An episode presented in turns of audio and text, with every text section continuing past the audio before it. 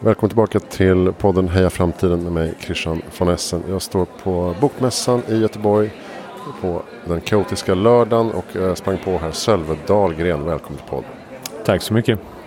Eh, bokbranschveteran kan man säga. Eller, från 2009 har jag i alla fall varit inne djupt i den här smeten och sen 2014 så har du drivit eh, ett nyhetsbrev och sajt och ett mediehus som heter Boktugg. Ja precis. Eh, startade egentligen som en, en liten branschblogg där tanken var att vi skulle göra omvärldsbevakning. Och plocka upp det som hände i branschen och den digitalisering som, som man upplevde började ta fart då. Och om du på något sätt får sammanfatta tiden hittills då, åtta år. Vad är det som har hänt sedan 2014 när du började? Det är ju alltså den här digitaliseringsresan där man går ifrån papper till skärm eller till ljud. Den har ju varit på gång länge men det är nu man på allvar ser de här trenderna och vad det leder till. Och fortfarande så är det rätt mycket som ligger framför oss. Det är ju en hyfsat konservativ bransch kan man säga. Eh, många trodde kanske att det skulle gå fortare med det digitala. Vad tror du beror på att vi fortfarande är så fästa vid den fysiska boken? Alltså, titta, om man drar tillbaka perspektivet ännu längre så har man gått igenom ett antal sådana här digitaliserings eller datoriseringsvändor. Där man egentligen började med när nätbokhandeln kom för 25 år sedan. Vilket då slog sönder det, liksom säga, det lokala monopolet som bokhandeln hade. Och helt plötsligt kunde vem som helst, var som helst i Sverige beställa vilken bok som helst och få den hemlevererad i brevlådan. Vilket ju var en jätteöppning för både läsare och förlag. Eh, och sen eh, så gick det ett antal år och eh, nätbokhandeln tog en viss del av marknaden.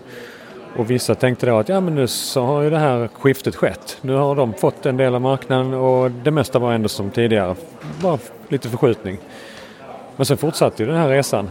Eh, och sen plötsligt så har nätbokhandeln kanske 50% utav marknaden. Plus att det då börjar komma även digitalt. Eh, och där har man också avfärdat en gång i tiden eh, e-boken som ah, ja, det blir inte alls lika stort i Sverige som det, var, som det blev i USA. Och slog sig till ro. Och sen susade ljudboken förbi istället som i streamingtjänsterna.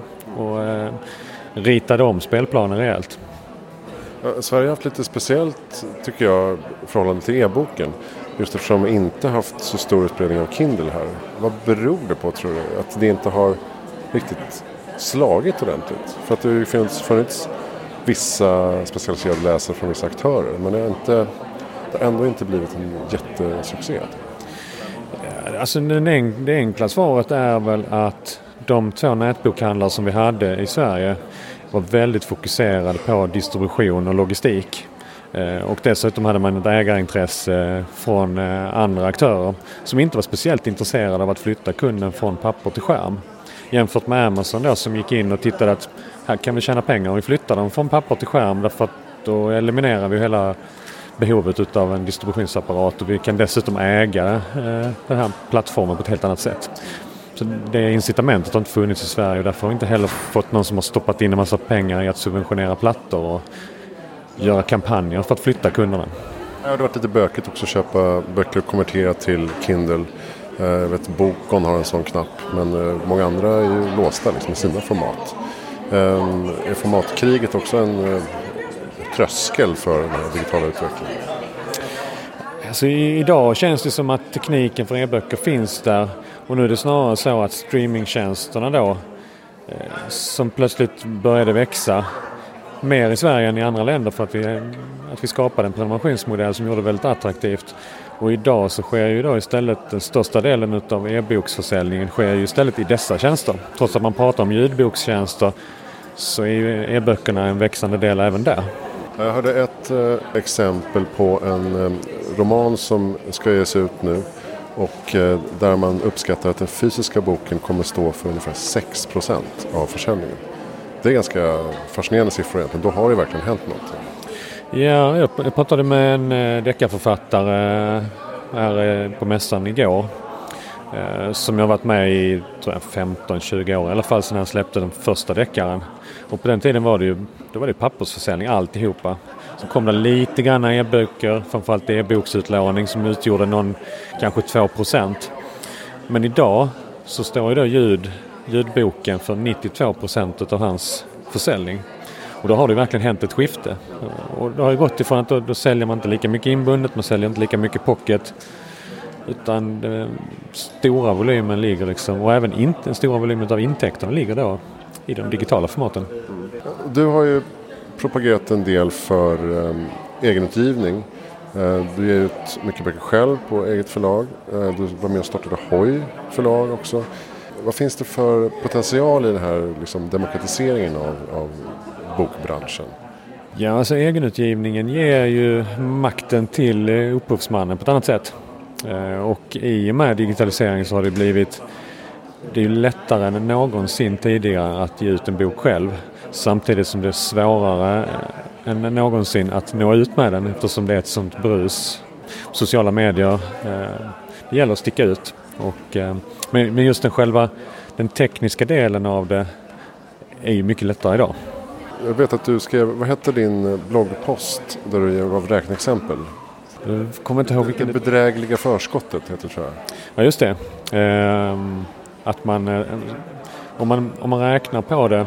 Det finns ju ett talesätt som är så här, det, det elaka sättet att se det. Det är ju att enda gången som det är mer lönsamt att ge ut en bok på ett traditionellt förlag där du får ett förskott det är ju om boken inte säljer, det vill säga att den går back för förlaget för då har du som författare fått pengar i alla fall. Men om boken blir en storsäljare så tjänar du ju alltid mer på att ge ut den på eget förlag. Sen kan det finnas andra skäl till att man vill ge ut på ett större förlag därför att man kanske inte vill göra jobbet. För att, att vara egenutgivare är ju också att vara entreprenör och det passar inte alla författare.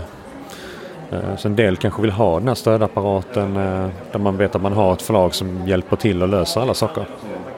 Vi ser många författare på mässan som är ganska stora och har stora plattformar.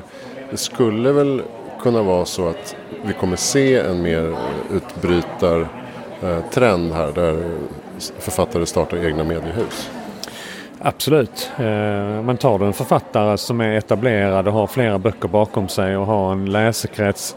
Precis som du säger, har man en plattform kanske i form av eh, sociala medier eller att man äger en e-postlista då är inte steget så långt till att faktiskt starta ett förlag. Och att man faktiskt kan räkna på att ja, men det här kommer att gå runt och jag kan, eh, jag kan till och med heltidsanställa en egen förläggare som bara, och en, eller en PR-person som bara jobbar med mina böcker. Och det skulle mycket väl kunna vara några som tar det steget. Än så länge så det, det enda som håller kvar en del av dem är ju om man eh, till exempel säljs i utlandet. Då är det mer kreddigt att ligga på ett förlag som de här där agenten kommer och säger att men den här är utgiven på det här förlaget som det köpande förlaget i utlandet då. Känner ja men de, då vet vi liksom om det är Bonniers eller Norstedts eller något annat etablerat förlag. Jämfört med Ja, jag ger ut de här böckerna på eget förlag här i Sverige men nu så vill jag sälja utlandsrättigheterna. Ja, ska man också tala de förhandlingarna på egen hand eller ha en agent som jobbar åt en? Exakt. Um, och vad händer för Boktuggen då? Var, var står ni någonstans i utvecklingen? Ja, det var som du sa. Vi är på väg att bygga ett litet mediehus med en betoning på litet. Ehm, så just nu så kämpar vi på för att hitta fungerande affärsmodeller. Vi har experimenterat väldigt mycket fram och tillbaka och sett vissa saker som funkar och vissa som inte funkar. Men just nu så är det fokus på att komma upp i en tillräcklig storlek för att man dels att jag ska kunna ta ut en vettig lön men också att man ska ha råd att ha någon anställd som avlastar lite mer. För ryggraden är väl egentligen eh, nyhetsmejlet? Ja, nyhetsbrevet kom ju väldigt tidigt och eh, för många så är det det man förknippar det med. Till och med två år efter att jag startat nyhetsbrevet eh, så träffade jag på en förläggare på eh, ett sånt här mingel som, som sa att ja, men jag läser nyhetsbrevet varje vecka. Ja, ja, men har du varit inne på sajten så? Ja, jag visste inte ens att jag hade en sajt. Utan det var nyhetsbrevet som hon läste. Ja, så blir det. Men ni har ju en ganska diger databas också med utgivna titlar och författare och sådär. Det blir trafik. Ja, vi, vi, har ju byggt ut sajten efterhand eh, och eh, som sagt vi har ändå en databas med alla titlar på samma sätt som nätbokhandlarna. Där vi då länkar till de olika återförsäljarna. Vilket också, men det gör också att vi kan presentera böcker i artiklar på ett smidigt sätt. Jaha, ja, ja, ni länkar in till information som redan finns på sajten då, istället för att länka ut? Ja, precis. Att vi har eh, information om böckerna på sajten inklusive omslag och all annan data. Så att man kan läsa det direkt eh, på vår sajt utan att behöva lämna. Så. Ja, just det. Och du gör dina böcker själv. Det är mycket innebandy, romaner har jag förstått. Det började ju så att jag skrev en bok som hette Innebandypiraterna första säsongen. Som är en ungdomsroman.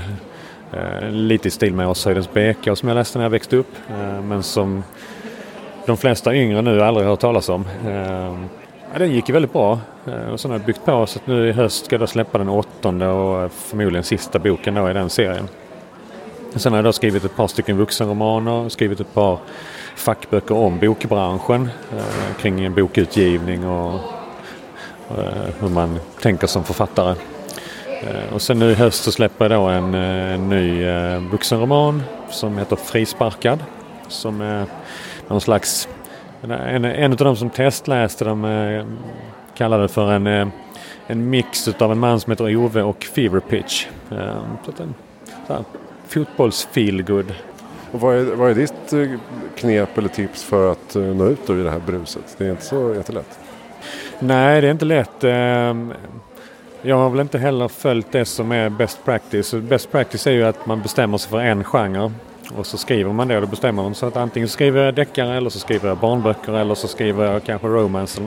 Och så håller man sig till den och Eh, kanske skriver en eller flera serier som utspelar sig eller som har samma typ av målgrupp. För då kan du bygga en målgrupp. Nu har jag delvis två, tre olika målgrupper. Vilket gör det lite spretigt när man till exempel ska ha ett författarnyhetsbrev eller vad man skriver om på hemsidan. Vad tycker du är mest spännande som händer i eh, bokvärlden eller förlagsbranschen idag då? Jag har pratat en del om digitaliseringen och egentligen är det väl så att digitaliseringen börjar nu. Och det, det är nu de stora sprången tas. Och det kommer innebära att den fysiska boken måste hitta sin plats i den nya, i den nya verkligheten. Om man nu som den här eh, deckarförfattaren säljer 90% digitalt men det kommer fortfarande finnas kvar en fysisk eh, produkt. Vilken position kommer den ha? Kommer det vara en samlarutgåva, kanske en limiterad utgåva, begränsad upplaga? Eh, eller vart tar den fysiska boken vägen? Den andra eh, stora tekniksprånget är ju på, på den digitala sidan. Där dels kring e-boken där man nu har Eh, nu är det de nya tillgänglighetsdirektiven som kommer att göra att, att e-böcker ska leva upp till en viss standard och en del äldre e-böcker ska nu kanske konverteras för att kunna eh, följa denna standard. Den andra delen är att ljudböckerna är ju väldigt stora idag. Men det är fortfarande ganska dyrt att producera ljudböcker därför att du ska anlita en uppläsare som läser in manus och du ska ha studiotid att producera. Gärna en känd skådespelare också som är svindyr. Gärna det också. Eh, och där kommer ju hela den här talsyntes med det som man kallar AI-röster. Där går ju tekniken snabbt framåt nu. Man märker att för varje år så blir den bättre och bättre. Och eh, man kan väl säga på engelska och spanska så är man ju väldigt nära där du faktiskt skulle kunna köra de här talsyntesrösterna och en stor del av lyssnarna skulle inte märka skillnad. Eh, nu kommer svenska språket kommer att dröja ett tag men eh, när det här får ett genombrott innebär det att då kan man tillgängliggöra alla böcker som ljudbok. Till en lägre, till en, till en lägre kostnad. Kanske till och med till en nollkostnad i framtiden. Ja, just det. Och även kan jag tänka mig att, eh, för nu ser man ju Eh, på podd, poddsidan att eh, mycket poddar börjar likna böcker och ljuddrama. Alltså nästan radioteater med ljudläggning och skådespelare och allt sånt där. Tror du de här världarna kommer liksom flyta ihop? Att även ljudböckerna kommer att bli mer dramaturgiskt eh, utvecklade? Ja, jag tror, man pratar om, eh, sett, en del pratar om spoken audio. Och vi har väl ingen riktigt bra översättning på det. Ehm, men det är ju just det här att vad är skillnaden mellan radio, podcast och ljudbok egentligen? Var går gränsen? Ehm, och där kommer vi säkert att se ja, de här ljuddrama där man använder flera olika skådespelare och så. Det är ju någonting som man idag bara har råd att göra med på en riktigt stor titel för att då kostar det ju ännu mer. Då har du flera inläsare som ska in och, och det är ännu mer komplicerad produktion. Men med talsyntes kan det innebära att då blir inte det dyrare plötsligt. Utan då handlar det bara om att koda boken med, med olika röster. Att den här det här citatet ska sägas med den här rösten och det här citatet ska sägas med den här rösten och det här är berättarrösten. Eh, och helt plötsligt kan du göra ganska komplicerade produktioner. Vilket kommer att innebära andra spännande möjligheter. Tack snälla Sölve Dahlgren för att du kom till Heja Framtiden. Tack för att jag fick vara med. Boktåg.se, där kan man hitta allt du behöver veta om bokbranschen. Eh, förstås hejaframtiden.se, Allt du behöver veta om eh, livet och framtiden och mina projekt med eh, mina böcker, och magasin och föreläsningar och poddar. Eh, vi hörs nästa gång med något annat. Tack och hej från Bokmässan 2022.